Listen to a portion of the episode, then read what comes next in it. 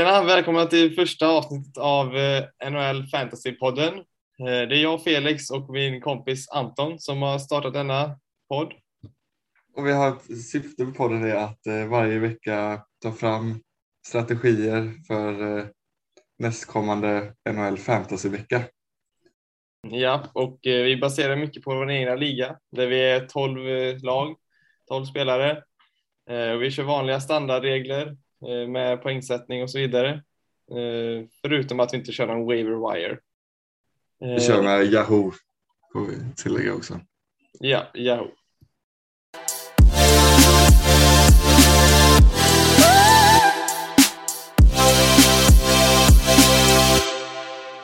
Vårt första segment vi tänkte eh, ta är tips inför draften. För det är väl inte långt kvar till eh, folk börjar drafta i sina ligor.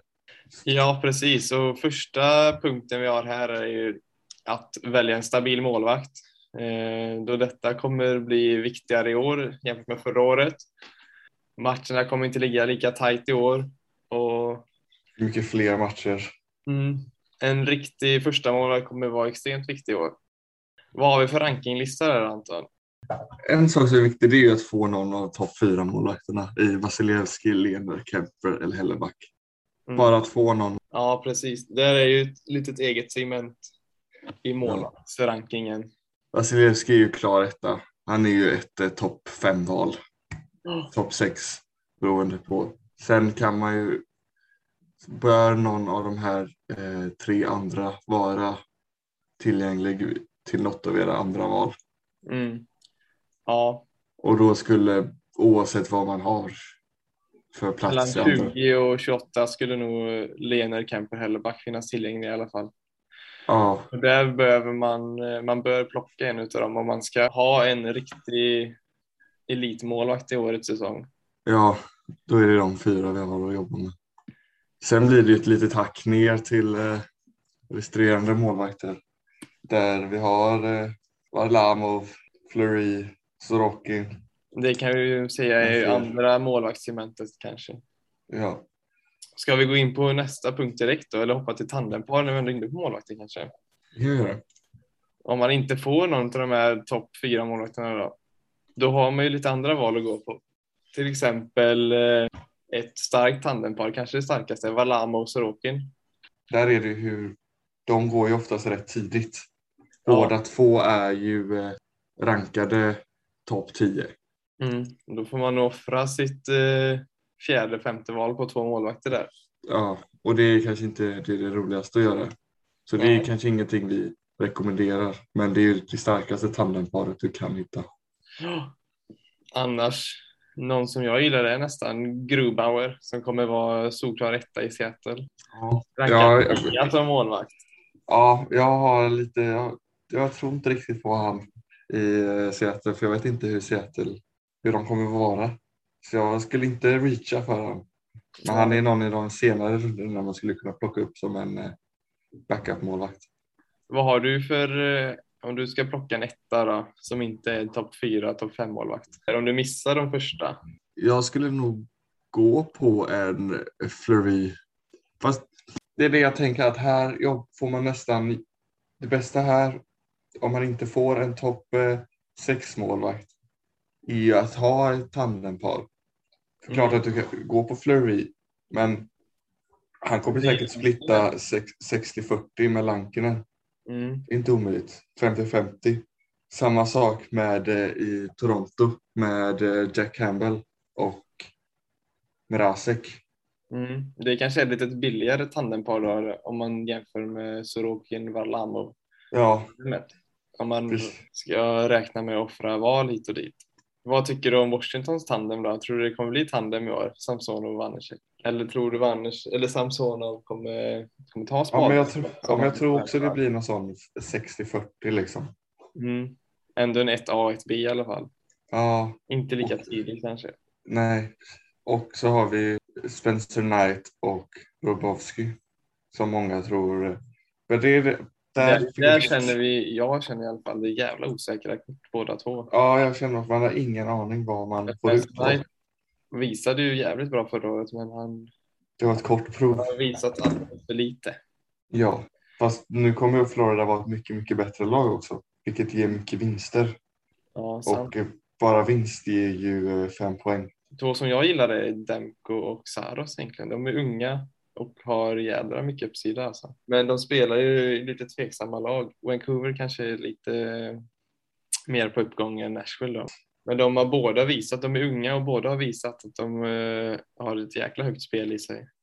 Ja. Någon jag inte tycker man ska underskatta är eh, Ullmark.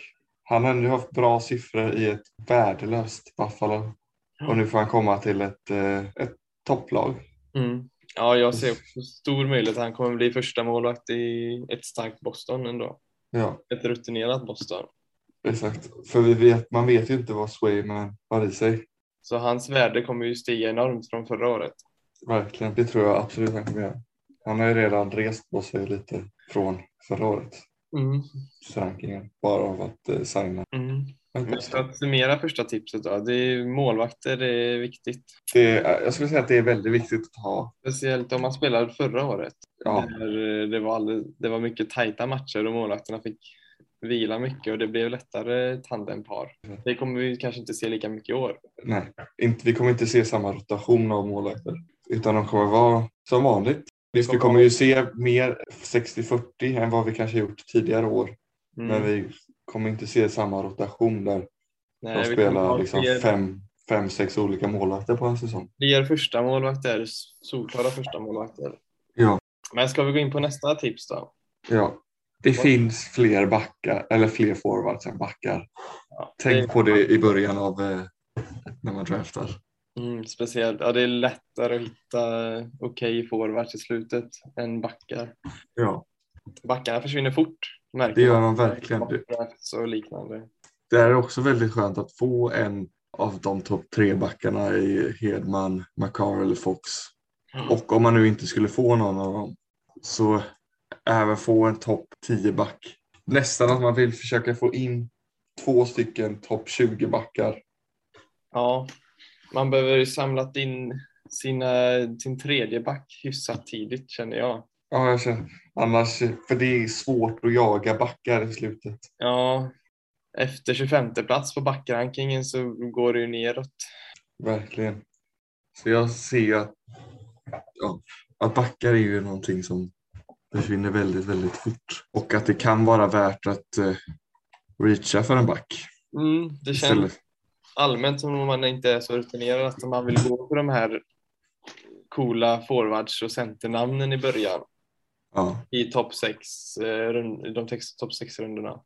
Och sen får Där man lite, man nästan tänka två, minst två backar för Ja. att kunna ha en okej backsida. För att ja, Annars så blir det tufft att hitta dem. Jag skulle säga att efter topp 100-110 där så blir det riktigt glest i de eh, senare rundorna. Ja, men eh, verkligen. Och att det är, varje lag har inte, så- de har ju liksom två toppbackar max.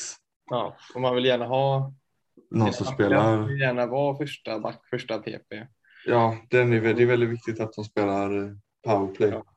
För en fjärde back, en tredje back i ett lag som inte spelar PP, den eh, får ju bara jobba tacklingar och plus minus och det kan bli jobbigt att ha som topp tre back i sitt lag.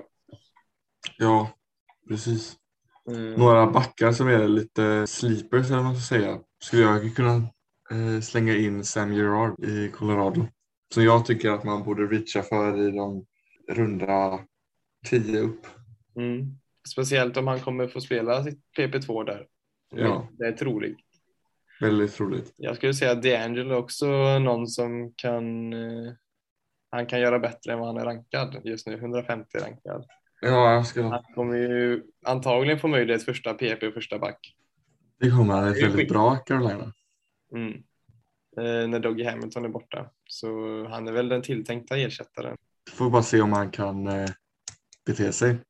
Ja, det är ju det. Det är osäkerhet där eh, hur han är utanför isen. Ja. Men topp eller 100 plus är det absolut värt att eh, chansa. Har vi snackat färdigt om backarna där? Ja.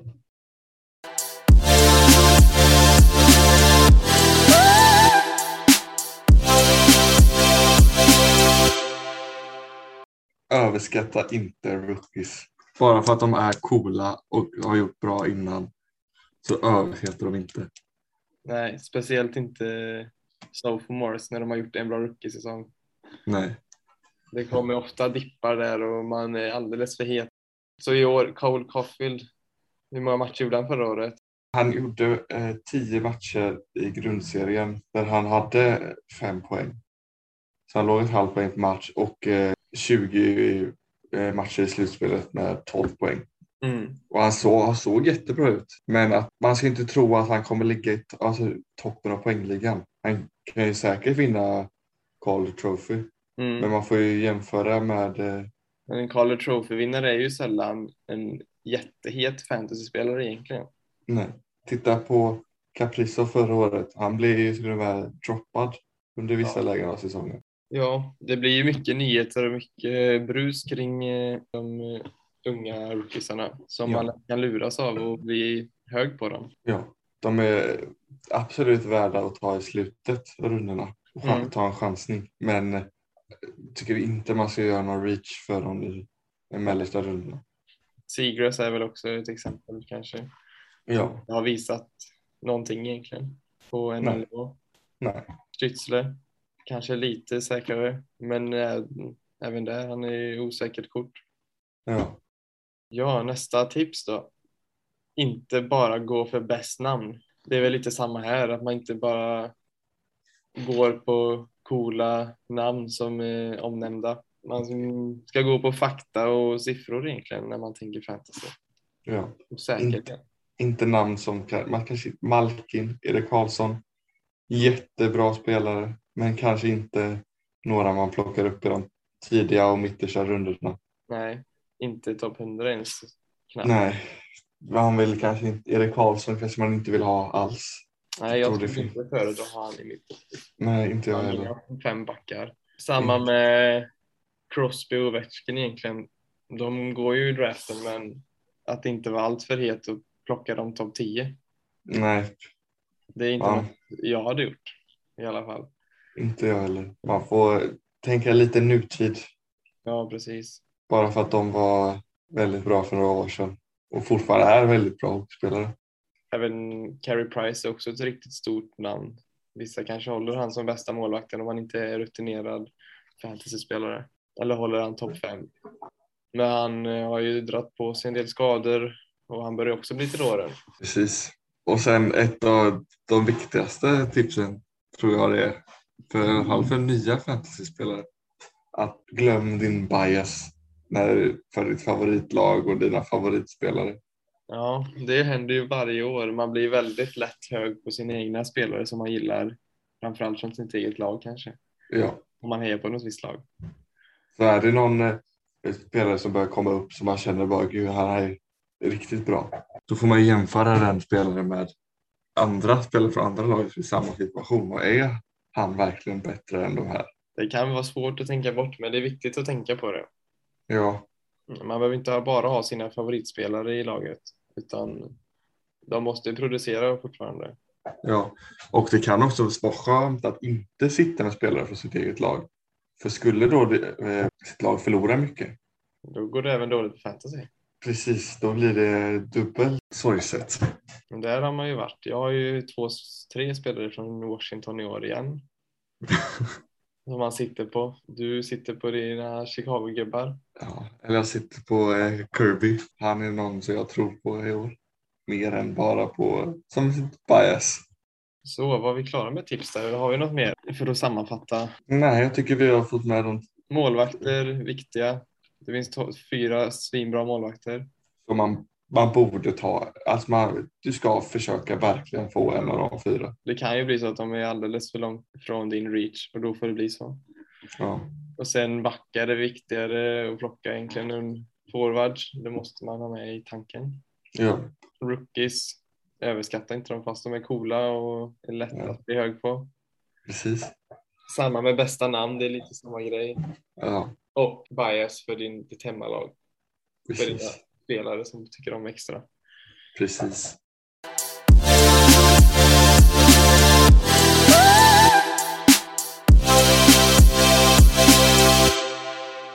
Så det var allt för denna veckans eh, podd. Nästa vecka kommer vi prata lite mer om eh, olika picks man kan göra. Mm. Osäkra kort, hidden gems och nitlotter kan ni förbereda er på. Ja, tack Så, för oss. Tack för oss. Ha det gött. Hej.